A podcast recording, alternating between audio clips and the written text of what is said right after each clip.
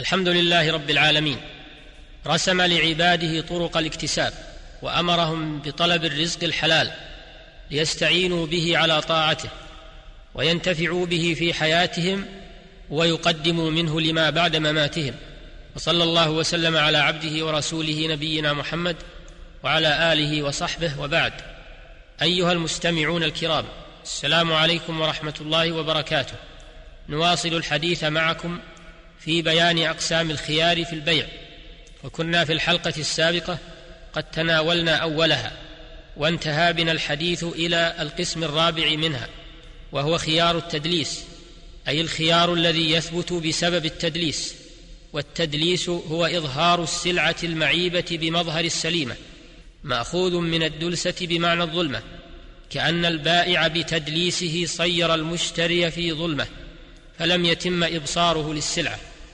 والتدليس نوعان أحدهما كتمان عيب السلعة والثاني أن يزوقها وينمقها بما يظهرها مظهر السليمة ويزيد في ثمنها والتدليس حرام وقد سوغت الشريعة للمشتري الرد به لأنه إنما بذل ماله في المبيع بناء على الصفة التي أظهرها له البائع ولو علم أنه على خلافها لما بذل ماله فيها. ومن أمثلة التدليس ومن أمثلة التدليس الوارد الوارد النهي عنها تصرية الغنم والبقر والإبل وهي حبس لبنها في ضروعها عند عرضها للبيع فيظنها المشتري كثيرة اللبن دائما. قال النبي صلى الله عليه وسلم لا تصر الإبل والغنم فمن ابتاعها فهو بخير النظرين بعد أن يحلبها إن شاء أمسك وإن شاء ردها وصاعا من تمر. ومن أمثلة التدليس تزويق البيوت المعيبة للتغرير بالمشتري والمستأجر وتزويق السيارات حتى تظهر بمظهر غير المستعملة للتغرير بالمشتري وغير ذلك من أنواع التدليس. فيجب على المسلم أن يصدق ويبين الحقيقة. قال النبي صلى الله عليه وسلم البيعان بالخيار ما لم يتفرقا فإن صدقا وبينا بورك لهما في بيعهما وإن كذبا وكتما محقت بركة بيعهما. فأخبر صلى الله عليه وسلم أن الصدق في البيع والشراء من أسباب البركة وأن الكذب من أسباب محق البركة. فالثمن وإن قل مع الصدق يبارك الله تعالى فيه.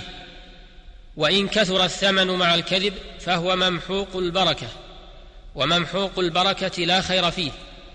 أيها المستمعون الكرام والخامس من أقسام الخيار خيار العيب أي الخيار الذي يثبت للمشتري بسبب وجود عيب في السلعة لم يخبر به البائع أو لم يعلم به البائع لكنه تبين أنه موجود في السلعة قبل البيع. وضابط العيب الذي يثبت به الخيار هو ما تنقص بسببه قيمة المبيع عادة أو تنقص به عينه ويرجع في معرفة ذلك إلى التجار المعتبرين فما عدوه عيبا ثبت الخيار به وما لم يعدوه عيبا ينقص القيمة أو ينقص عين المبيع لم يعتبر فإذا علم المشتري بالعيب بعد العقد فله الخيار. بين أن يمضي البيع ويأخذ عوض العيب وهو مقدار الفرق بين قيمة المبيع صحيحا وقيمته مبيعا. وله أن يفسخ البيع ويرد السلعة ويسترجع الثمن الذي دفعه للمشتري.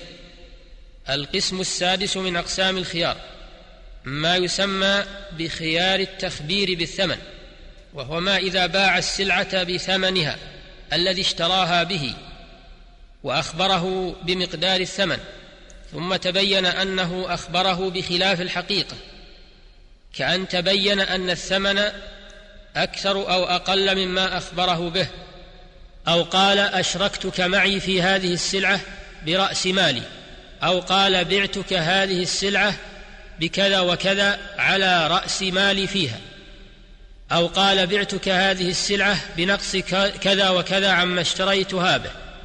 ففي هذه الصور الأربع إذا تبين أن رأس المال خلاف ما أخبر به فله الخيار بين الإمساك والرد على قول في المذهب. والقول الثاني أنه في هذه الحالة لا خيار للمشتري ويجري الحكم على الثمن الحقيقي ويسقط عنه الزائد. والله تعالى أعلم. السابع من أقسام الخيار خيار يثبت إذا اختلف المتبايعان في بعض الأمور كما إذا اختلفا في مقدار الثمن أو اختلفا في عين المبيع أو قدره أو اختلفا في صفته ولا بينة لأحدهما فحينئذ يتحالفان فيحلف كل منهما على ما يدعيه ثم بعد التحالف لكل منهما الفسخ إذا لم يرضى بقول الآخر. القسم الثامن من أقسام الخيار وهو الأخير خيار يثبت للمشتري في حالة ما إذا اشترى شيئا بناء على رؤية سابقة ثم وجده قد تغيرت صفته فله الخيار حينئذ بين إمضاء البيع وفسخه. والله أعلم وصلى الله وسلم على نبينا محمد وعلى آله وصحبه وسلم. الحمد لله رب العالمين. وإلى الحلقة القادمة بإذن الله تعالى. السلام عليكم ورحمة الله وبركاته.